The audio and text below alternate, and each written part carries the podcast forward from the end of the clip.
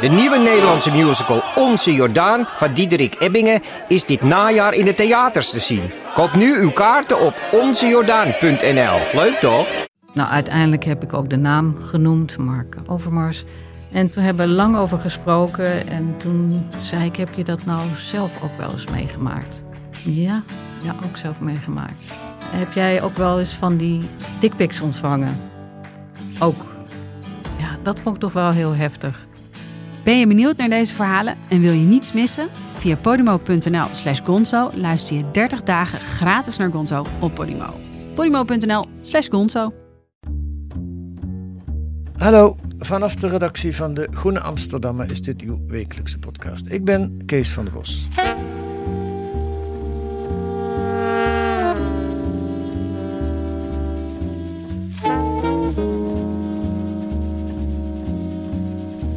De basisbeurs komt er weer. Vanaf september hebben studenten aan de universiteit, hogeschool en MBO, het middelbaar beroepsonderwijs, recht op 110 euro per maand als ze thuis wonen. Wonen ze op kamers, dan krijgen ze 440 euro per maand. MBO-studenten kregen die nog steeds, maar voor de anderen werd die basisbeurs in 2015 afgeschaft met dank aan GroenLinks en de PvdA. Maar daar kreeg de politiek spijt van. Dus weer een basisbeurs voor iedereen. Nu is het voor studenten natuurlijk wel aantrekkelijk om dan thuis te blijven wonen en je ergens anders in te schrijven. Dan krijg je toch die 440 euro voor uitwonende studenten. En dat wordt sinds 2012 met kracht gecontroleerd. En nu komt het uit onderzoek van Bas Belleman, Anouk Kootstra en Belia Heilbron van onderzoeksplatform Investico. Blijkt nu dat er bijna alleen studenten gepakt worden met een migratieachtergrond. Is hier sprake van discriminatie? En zo ja, hoe werkt dat dan? Welkom Anouk en Belia. Dankjewel. dankjewel. Waar, waar is Bas? Bas werkt voor het Hoger Onderwijs Persbureau. Ah, dat, dat, dat dacht ik. Dus jullie zitten bij Investico en Bas bij het Hoger Onderwijs Pers, Persbureau. Wat is dat eigenlijk, het Hoger Onderwijs Persbureau? Ja, dat is een uh, persbureau die uh, uh, artikelen schrijft voor de hoger onderwijs en universiteitsbladen. Dus bijvoorbeeld voor de Folia in Amsterdam of okay. voor een andere bladen. Goed, en jullie werken voor Investico allebei. En hoe is het gegaan? Is Bas bij jullie gekomen of zijn jullie naar Bas toe gegaan? Nee, Bas, uh, uh, nou ja, eigenlijk een combinatie daarvan. Maar Bas is wel degene die dit onderzoek heeft geïnitieerd. Hij weet natuurlijk alles van het hoger onderwijs, is daar natuurlijk de hele dag mee bezig. En ja. zag de laatste jaren eigenlijk telkens rechtszaken voorbij komen waarvan hij dacht... Hmm, wat een gekke bewijsvoering heeft Duo hier tegen deze studenten. Of goh, uh, wat speelt hier? En hij geeft altijd één voorbeeld aan, waar hij zelf destijds nog een interview over heeft gehouden met Duo van een student die zich bij haar moeder had ingeschreven, maar in Londen studeerde. En in die ja. rechtszaak, zij kreeg een uitwonende beurs. En in die rechtszaak was voor niemand twijfel of ze nou in Londen zou wonen of niet. Terwijl maar, de moeder niet in Londen woonde. Nee. nee. En zij was dus thuiswonend ingeschreven, kreeg een uitwonende beurs en werd dus teruggevorderd. Maar de vraag was niet of ze in Londen woonde, dat wist iedereen. Maar hoe dit op papier geregeld was. En ja. daarin zag hij zo'n uh, hardvochtige en starre houding bij Duo, dat dat hem wel heel erg interesseerde. Ja. En toen is hij met dit onderzoek begonnen en zijn wij erop aangesloten om het, uh, uh, nou ja, met drie mensen kun je meer doen dan in je eentje. Dit is de stem van Belia, zeg ik even voor de luisteraars, want uh, we moeten jullie ook een beetje uit elkaar kunnen houden. Um, maar begrijp ik het goed dat Bas dacht, dit wordt zo'n grote klus, daar ga ik hulp bij zoeken. Anouk, dat vraag ik aan jou. Ja, ik weet niet precies wat Bas heeft gedacht, maar dat is wel wat er is gebeurd. Dus ja. hij, we zijn uiteindelijk samen dit onderzoek echt meer onderzoeksmatig gaan aanpakken. Dus we ja. hebben het gewoon uh, gestructureerd en grootschalig uh, proberen uit te zoeken. Ja. Nou, laten we met, eerst met de conclusies beginnen. Uh, de hamvraag, is hier sprake van discriminatie? Um, dat is meteen een hele belangrijke vraag. Uh, ja, wat denk ik belangrijk is om te zeggen, je moet onderscheid maken tussen twee vormen van discriminatie. Je hebt directe discriminatie, bijvoorbeeld als, als uh, etniciteit ook in het algoritme zit. Ja. Of indirecte discriminatie. En dat kan op een wat meer verholen manier gebeuren. Dus eigenlijk een wat, wat minder, wat, ja, wat implicietere manier. En mijn conclusie zou zijn dat het hier inderdaad aan de hand is. Ja, dus uit, uit de cijfers blijkt uh, overduidelijk discriminatie. 97% van de gevallen die jullie hebben kunnen achterhalen, daar gaan we het zo nog over hebben, want dat is natuurlijk wel een selectie. Uh, dat zijn mensen met een migratieachtergrond, terwijl maar 1 op de 30, uh, nee, hoe zeg ik dat? 30 procent van de MBO-studenten en bij HBO-studenten nog minder, heeft een migratieachtergrond. Dus zijn twee dingen. Eén, of allebei iedereen met een migratieachtergrond fraudeert. Theoretisch is dat mogelijk. Maar waarschijnlijker is dat er, dat er hier met een lens gezocht wordt die juist die mensen in beeld brengt. Zo, zo, zo, vertaal ik jouw woorden ook. Ja, dit is heel goed, want dit zijn precies... Je hebt natuurlijk verschillende verklaringen voor zo'n cijfer wat we dan vinden. En dit zijn volgens mij precies de twee belangrijke die je, die je noemt. Dus of mensen met een migratieachtergrond frauderen bijna... Of het zijn allemaal mensen met een migratieachtergrond die frauderen... en mensen zonder migratieachtergrond frauderen niet of nauwelijks. Ja. Of er zit iets in de selectieprocedure van DUO. Ja. Ja. En die laatste optie lijkt me waarschijnlijker. Ja, nou, laten we daar meteen naar kijken. Jullie zijn natuurlijk naar Duo toegegaan met deze toch tamelijk schokkende uh, gegevens. Hè? Zeker sinds de toeslagenaffaire zijn we extra gevoelig voor dit soort uh, discriminerende effecten. Dus ik neem aan, uh, Belia, kijk maar naar jou. Nou, ik weet niet, wie zijn jullie samen een duo geweest? Of nee, ik ben mee geweest. Nou, kijk ik de goede aan. wat zei Duo toen je met deze gegevens bij hun kwam? Ja, Duo noemde het in eerste instantie een opmerkelijke bevinding. Um, maar er leek uh, weinig vorm van reflectie bij de organisatie. Zij zagen dit in eerste instantie niet als aanleiding tot onderzoek. Mm Ze zeiden: We weten niet eens hoe we dit zouden moeten onderzoeken. Uh, wij nemen achtergrond en etniciteit helemaal niet mee in onze selectie. Dus wij, wij kunnen daar uh, kortweg gezegd helemaal niet een onderzoek naar starten. Ze mogen daar ook niet op selecteren in de computer of zo. Ze kunnen nee, dat niet. Nee, dat doen ze ook niet. Alleen de, vorm is, de vraag is natuurlijk hoe ga je onderzoek doen naar dit soort dingen. Ja. En uh, daar hadden ze kortweg eigenlijk geen antwoord op.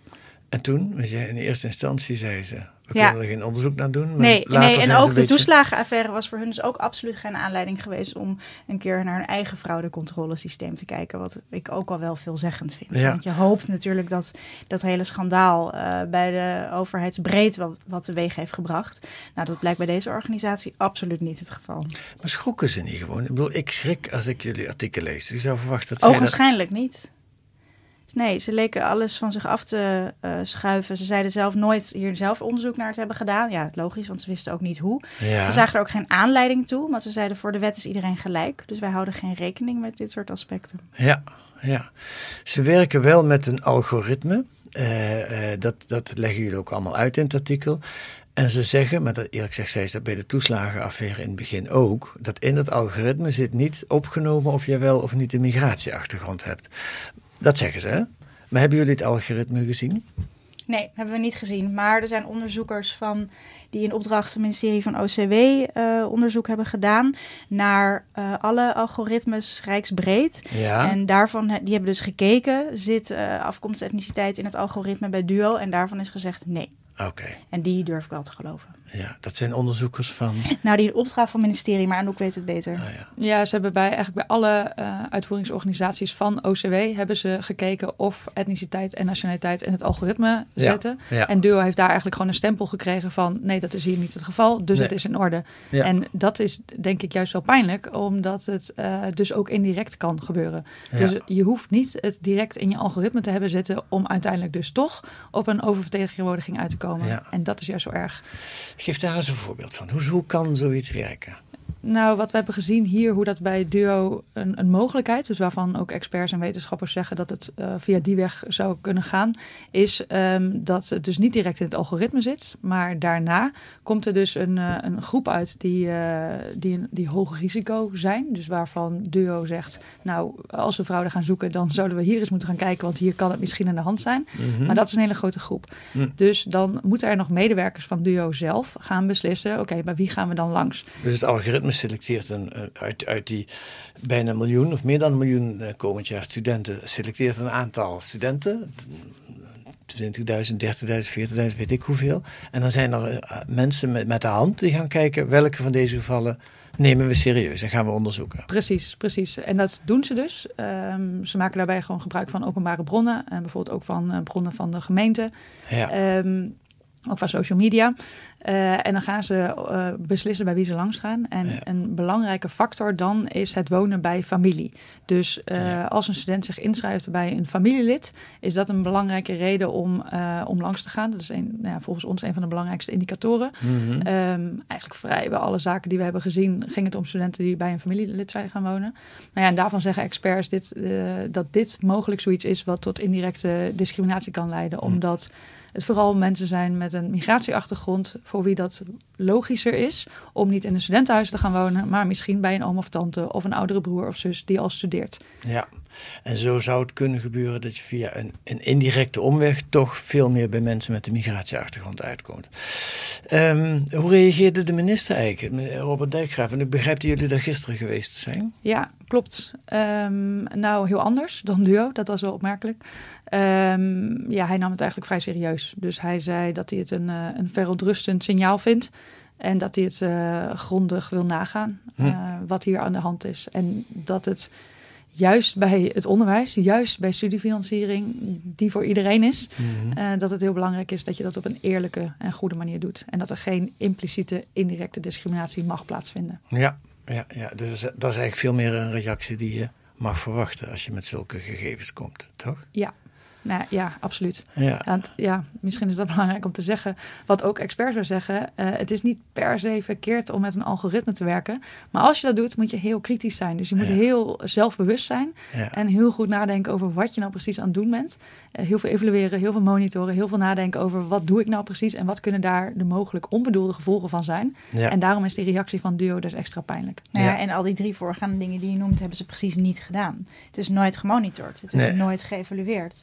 En dat is wel als je als overheidsorganisatie zo'n grote verantwoordelijkheid draagt en een algoritme gebruikt. Uh, nou ja, het minste wat je kan doen, zou ik ja. zeggen.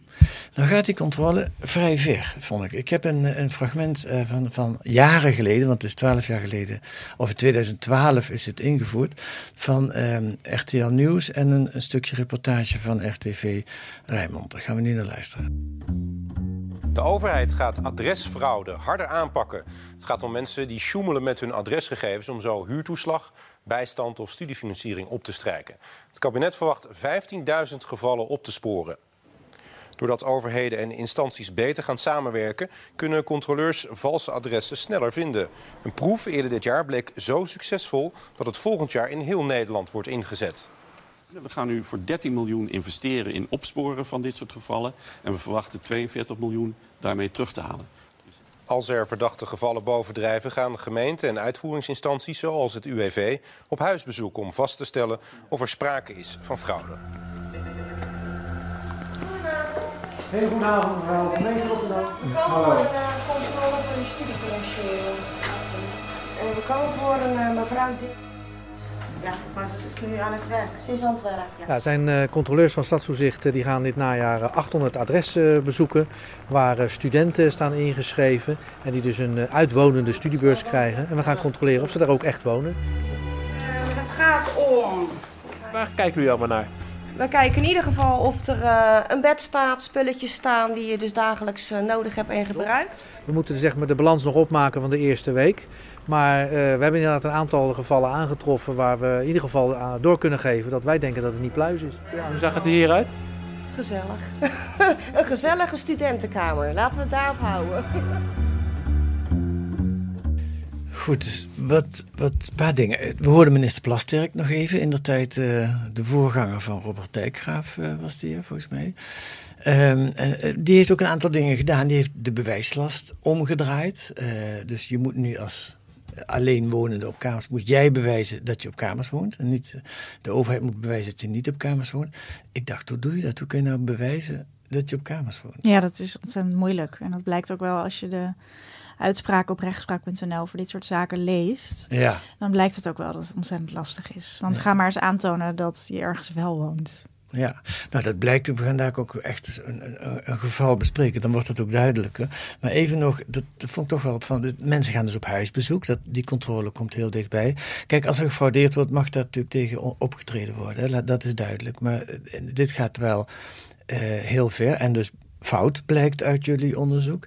En ook als Duo alleen maar, Duo is de uitvoerende organisatie, die hebben die naam wel vaak genoemd, als die uh, geen boete opleggen, maar alleen terugvorderen, dan hoeven ze zelfs geen hoorzitting te houden. Dus er is helemaal geen sprake van wederhoor. In de journalistiek zou je dat niet zo mogen doen. Nee, absoluut niet. En het blijkt ook maar weer, vind ik, in dit onderzoek hoe ontzettend belangrijk die wederhoor is. Ja. Als je altijd maar één kant van het verhaal ziet, namelijk de kant van de handhavers of de controleurs die komen kijken, en je hoort helemaal niks van de context waarbinnen zo'n kamer of zo'n woning zich bevindt, ja. dan kun je helemaal geen oordeel vellen. Ja.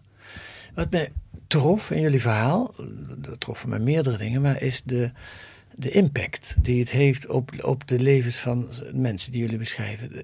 Jullie noemen het gewoon van een Afghaans meisje, Afghaanse vrouw, Sarah. Wie heeft haar gesproken? Wij allebei. Jullie allebei. Ehm, vertel eens, wat, wat, wat is er, waarom heeft dat zo'n impact op haar, wat er is gebeurd? Ja, ehm, nou, we zijn bij haar langs gegaan en we hebben... Hoe ben je aan haar gekomen eigenlijk? Um, via advocaten. Dus via, of via H-advocaat eigenlijk. Dus via uh, op rechtspraak.nl. Dat is een belangrijke bron voor journalisten. Daar worden veel uh, uitspraken gepubliceerd. Um, en daar, die hebben we eigenlijk allemaal doorgenomen. Het is maar een klein deel van het totaal aantal, aantal rechtszaken, maar toch de, de zaken die er zijn, zijn nuttig. En daar staat de naam van de advocaat bij. Ja. En via de naam van haar advocaat konden we bij haar langs. En wat trof je aan? Nou, iemand die al acht jaar lang hier eigenlijk mee bezig is. En die helemaal uh, in de put is geraakt uh, door wat haar is overkomen. En uh, voordat ze Voordat dit allemaal gebeurde, studeerde ze HBO-rechten. Ze wilde advocaat worden. Ze werkte bij de gemeente. Ja, en toen gebeurde opeens dit. Uh, dus uh, ze, ze zei dat haar, haar leven onder haar vandaan, of haar wereld onder haar vandaan viel. Omdat ze, dus de controleurs waren bij haar buren langs geweest, met wie ze een hele goede band had. Nou, die, dat, dat contact werd natuurlijk steeds moeizamer opeens, of dat bekoelde helemaal. Want die buren kregen te horen, jullie wonen naast een fraudeur. Precies, ja. Dus uh, dat, dat, nou ja, dat kan je voorstellen dat als je, buren dat, uh, als je dat over je buren hoort, dat het dan uh, moeizaam gaat. Fraudeerden ze eigenlijk? Ja, ik durf mijn hand voor in het vuur te steken dat dat niet, niet zo is. Ja, heeft ze, de, heeft ze de, de rechtszaken ook gewonnen uiteindelijk? Uiteindelijk heeft ze gewonnen, maar op een vormfout.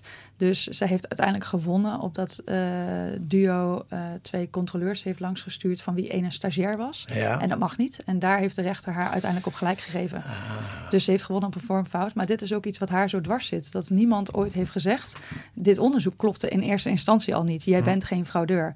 En ze heeft alles gedocumenteerd. We hebben alles kunnen zien, al haar verklaringen, alles. Nou ja, de, ze heeft alles allemaal in mapjes. En, uh, Wat was er aan de hand? Ze, ze, waar woonden ze en waar dacht uh, Duo dat ze wonen?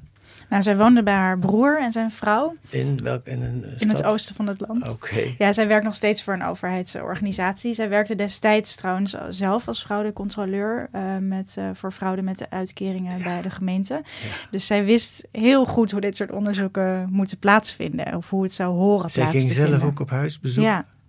Ja, ja, ja, ja. ja. dat is heel cru eigenlijk. Ja. En zij woonde, zij deed eerst een MBO-opleiding, is toen doorgestroomd naar HBO-rechten. En zij wilde graag ook wat meer vrijheid, gewoon het huis uit. Maar zoals zij het zei, uh, mijn moeder is nog een echte Afghaanse vrouw en ik ben een Nederlands meisje. Dus ja, op, op kamers uh, in een studentenhuis ja, vond haar moeder niet zo'n goed idee. Die was bang voor haar reputatie. Mhm. En bij haar broer intrekken was een goede tussenstap. Haar moeder was tevreden, zij had wat meer vrijheid. Haar broer en vrouw vonden dat leuk. Dus daar, daar trok zij in. Uh, tot er op een dag controleurs aan de deur stonden. Zij was zelf niet thuis. En alleen haar schoonzus was thuis. En die durfde de deur helemaal niet te openen. Want die dacht, er staan hier twee vreemde mensen voor de deur. En die zeggen van de gemeente te zijn. Um, maar ik vertrouw het allemaal niet.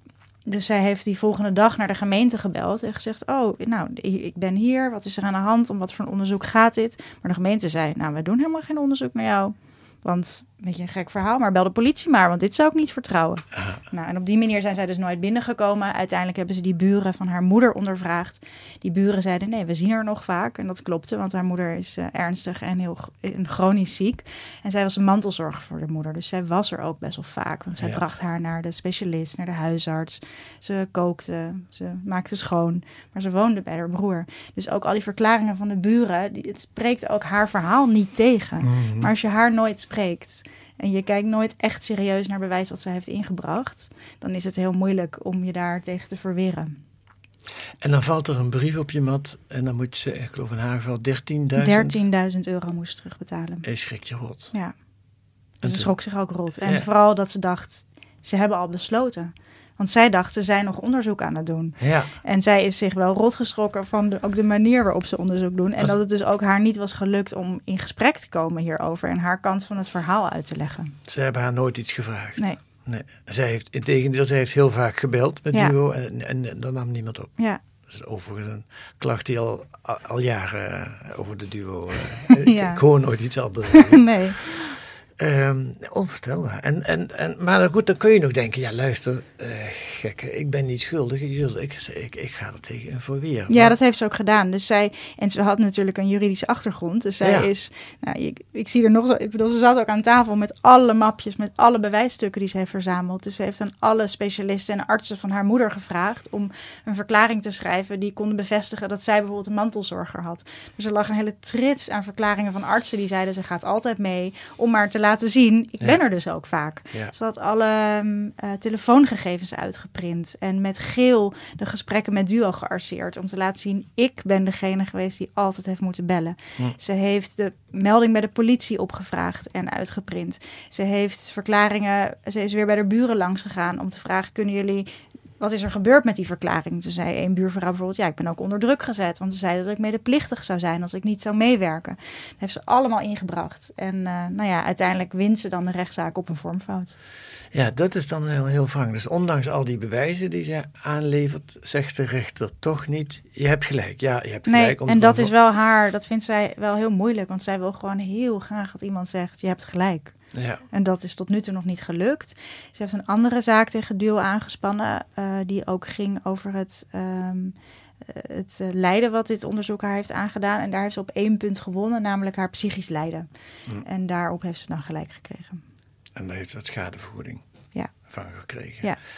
En ze heeft, ze, ze, ze, ze heeft veel schade ondervonden, zeggen jullie. Je, hebt, je hebt daar gesproken, ze is ja. heel erg geraakt hierdoor. Ja, dat is, dat is echt ongelooflijk. Um, is echt helemaal onderuit gegaan eigenlijk. En dat gaat, denk ik, en dat geldt ook voor de andere studenten die we hebben gesproken, meer nog voor het principe dan voor het geld. Dus uh, die, die paar duizend euro, dat zeiden ze eigenlijk allemaal.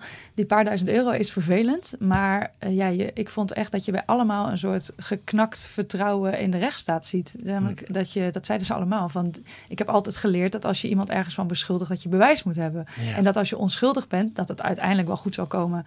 En dan, dit gaat dus om hele jonge mensen die dan al eigenlijk te maken krijgen met een overheid die, ja, die, die, die iets doet waar ze eigenlijk geen mogelijkheden hebben om, uh, om nou ja, iets tegen in te brengen. En dat volgens mij voor hen allemaal zo onrechtvaardig voelt dat ja. Uh, ja, dat, dat, dat eigenlijk heel erg pijn doet. Ik ga naar het onderzoek, want jullie zaten natuurlijk met een probleem. Ik, ik lees jullie stuk dat eigenlijk vanaf het begin af aan Bas ook al het gevoel had dat het deze kant uit zou kunnen rollen. Dat er wel opvallend veel mensen met een migratieachtergrond, hij wist toen nog niet hoeveel, maar Um, dan lijkt me wel voor onderzoekers, voor journalisten, een probleem. Want je hebt niet een database waar je kunt zien hoeveel mensen er boete hebben gekregen of noem op.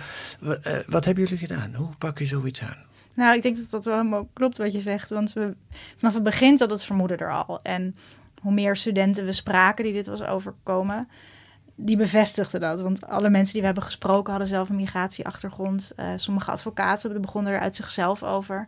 In de ruim 80 rechtszaken die we hebben gelezen, zat in ongeveer een kwart een aanwijzing dat het ging over iemand met een migratieachtergrond. Mm Maar ja, dat zegt natuurlijk allemaal nog helemaal niks. En toen dachten we in eerste instantie van, nou ja, misschien moeten we er, in een, ja, moet je er een kleine opmerking over maken. Tot we eigenlijk alles op een rijtje gingen zetten. En toen dachten, nee, dit kunnen we niet.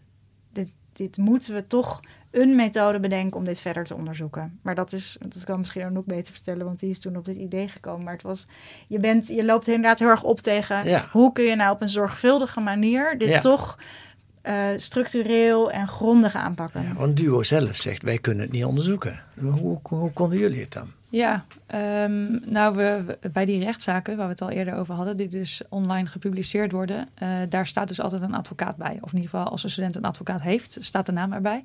Dus we hebben daar een lijst van gemaakt. En zo kwamen we tot 70 advocaten, waarvan we zeker weten dat ze in ieder geval minstens één zaak, één fraudezaak tegen Duo hebben gedaan. Mhm. Waarbij ze dus een student bij stonden. Dus we hebben al die 70 advocaten gebeld. Um, daarvan kregen we ongeveer de helft te pakken. De rest, ja, die zijn op zitting, die zijn druk, die beloven je terug te bellen, maar doen dat nooit. Uh, wat ik ook snap uh, soms. Um, maar uh, ja, we kregen er uiteindelijk 32 hebben we gesproken. Mm -hmm. En die waren bereid om, om gegevens te delen. en daar hebben we echt twee vragen aan gesteld aan allemaal. Namelijk hoeveel van dit soort zaken, fraudezaken tegen Duo, heeft hij in totaal gedaan? sinds 2012. Mm -hmm. uh, en hoeveel daarvan uh, had uw cliënt een migratieachtergrond? Uh, en dat hebben ze voor ons nagezocht in hun systeem. En soms deden ze dat terwijl we aan de telefoon zaten. Dus dan uh, zeiden ze, nou, ik zie het 1, 2, 3, 4, 5. Ja, uh, allemaal migratieachtergrond. Ja. En zo ging het eigenlijk de eerste tien die we spraken, geloof ik. Die zeiden allemaal, al mijn cliënten hadden migratieachtergrond. En zo kom je tot het cijfer van 97% van de gevallen die jullie hebben kunnen achterhalen, had een migratieachtergrond. Wat natuurlijk een schokkend uh, groot cijfer. Maar, ik ben gewoon even advocaat van de duivel. Je weet misschien dat in die andere, al die andere gevallen het wel weer rechtgetrokken wordt. Er zit hier ook een vertekening in. Bijvoorbeeld, dat zijn mensen die zich tot een advocaat hebben gewend. Ja, kan het zo niet bedenken hoor, maar het zou kunnen dat mensen met een migratieachtergrond zich sneller tot een advocaat wenden dan mensen, uh, autochtone Nederlanders, moet ik het zeggen. Hoe zit dat met die vertekening? Ja, we hebben de advocaten die we hebben gesproken, dus die 32, die um, zitten eigenlijk door het hele land. Ze zitten in, uh, in kleine kantoren, bij grote kantoren. Ze hebben zelf een migratieachtergrond, soms zelf geen migratieachtergrond. Um, ze doen veelal dit soort zaken of ook andere zaken. Dus we denken niet dat er echt een bias in de advocaten zit. Mm -hmm. Maar het zou natuurlijk kunnen. Dus je zou kunnen veronderstellen dat mensen met een migratieachtergrond vaker uh, hun zaak aanvechten bij de rechter. Hm. Ja, ik, um, ik vind het niet een heel plausibele nee. Verklaring. Theoretisch kun je het niet uitsluiten, maar dat het is daar, niet, het is niet plausibel. Nee. Nou dat, ja, dat zal moeten blijken uit het onderzoek wat minister Plast, uh, dat was de oude minister, wat uh, Dijkgraaf, minister Dijkgraaf heeft beloofd. Um, jeetje. En, en um, hebben jullie ook controleurs gesproken? Dus die mensen die huisbezoeken doen? Ja, ik heb, we hebben met uh, vier voormalige handhavers gesproken die dit soort huisbezoeken doen. Hoe kom je daaraan? Via LinkedIn.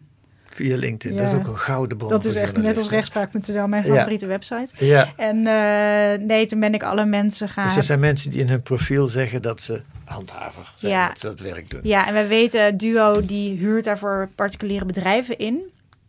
En, wat uh, zijn dat? Detectivebureaus? Of wat is een Ja, dat heet dan een, uh, ja, god, hoe noemen ze zichzelf? Uh, handhavers of sociaal rechercheur of nou ja, noem maar op. Het zijn bedrijven die bijvoorbeeld ook mensen in de bijstand van fraude, fraude controleren. Maar ik wist niet dat dat ook met bedrijven gebeurde. Ja, absoluut. Wel dat er sociaal rechercheurs bij de sociale diensten zo werken. Want er zijn ook particuliere bedrijven. Absoluut, ja. Bijvoorbeeld het bedrijf SV-land is bijvoorbeeld een hele grote. Die doet veel op het gebied van bijstand. Okay. SV-land heeft ook een hele lange tijd op no-cure, no-pay-basis gewerkt. Dat doen ze inmiddels uh, niet meer. Um, maar uh, SV-land doet ook veel werk voor Duo bijvoorbeeld. Ja. Um, maar die bedrijven, we wisten welke bedrijven worden ingehuurd. Dus dan kun je via LinkedIn zoeken op die bedrijven. En dan in combinatie met Duo. Nou, er kwam een hele Ja. lijst natuurlijk uit met mensen die daar ook zijn weggegaan. Ja. Want die zijn iets sneller geneigd met ons te praten. En zo heb ik met vier voormalige handhavers gesproken die dit werk deden. En uh, nou, de eerste die ik, die ik sprak, die was heel, die zei: Ja, ik vond het zo moeilijk werk. Hoe kun je nou bepalen of iemand ergens woont? En dat was dus daarom wel een heel interessant gesprek. Ja. En uh, nou ja, de mensen daarna die waren een stuk minder uh, onzeker daarin. En die zeiden: Je weet het meteen. Je komt binnen en je weet het. Dat, dat lijkt me een rare uitspraak. Ja, dat was hun gevoel. Ze zeiden: Je voelt het gewoon, je weet het gewoon. Ja, ik vond het ook sterk, omdat ik juist nog in mijn achterhoofd had, uh, ook vanuit zeg maar in uh, interviews met experts.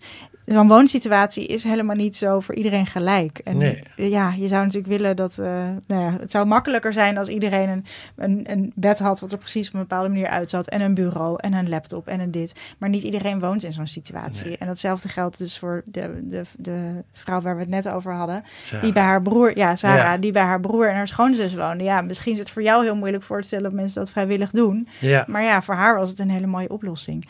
En als je, nou ja, een van de onderzoekers die wij spraken, die zeiden: Het is voor handhavers ook heel moeilijk om dat systeem in twijfel te trekken. Dus het is daardoor extra belangrijk dat je dan als organisatie die beslissing neemt, Ja. daar kritisch op bent, er instructies voor hebt om dit soort vooroordelen te voorkomen eigenlijk. En laten we dat nog één keer constateren. Bij Duo was geen enkele sprake, zijn geen enkel bewijs van dat ze kritisch naar hun eigen methodes hebben Nee, gekeken. zij zeggen letterlijk: wij, wij evalueren continu, maar daarvan staat niks op papier. Ja. Ja, mooi onderzoek. Dat doe je als journalist iets wat, wat eigenlijk de overheid zelf zou moeten doen, Ja. maar waar, waar ze tekortschieten. Ja, dit had al lang moeten gebeuren. Ja. Eh, Tot slot aan jullie allebei de vraag: wat, wat, wat was het meest, wat vonden jullie het meest bijzondere moment of het meest bijzondere in je eigen onderzoek? Nou, ik denk dat het moment wat Anouk net aanhaalde, dat we alle advocaten begonnen te bellen om met die simpele vraag van hoeveel zaken heb je gedaan en hoeveel van die zaken ging het om mensen met een migratieachtergrond. Dat begon zo op te tellen. En de eerste twee die je spreekt, die zeggen nou allemaal. Dan denk je, goh, nou wat een toeval. Ik heb ze Ja. net allebei. Ja. Maar ja, als je richting de 20 gaat en alle 20 zeggen hetzelfde, tot het Ja. moment dat je er ruim 30 hebt gesproken die bijna allemaal hetzelfde zeggen, ja. dat, daar, daar schrok ik gewoon heel erg van. En, en jij, Anouk? Ja, eigenlijk hetzelfde moment misschien. Eh, dat was, het was echt een hele eh, heftige fase ook wel. En eh, ja, het, het gaat niet om ons, want ons treft het niet. Mhm. Maar het, het was zelfs, ik weet niet, we hadden er ook... nou, het was ja, gewoon een heel heftige bevinding eigenlijk. Ehm, ja, Nou, oké, dankjewel. Je hebt ook samengewerkt met NOS op 3. Daar is een mooi filmpje te zien waarin het allemaal genuanceerd en grondig uitgelegd wordt. Eh dankjewel voor dit gesprek Anouk Kootstra en Belia Helbron. En laten we Bas Belleman ook nog een keer noemen.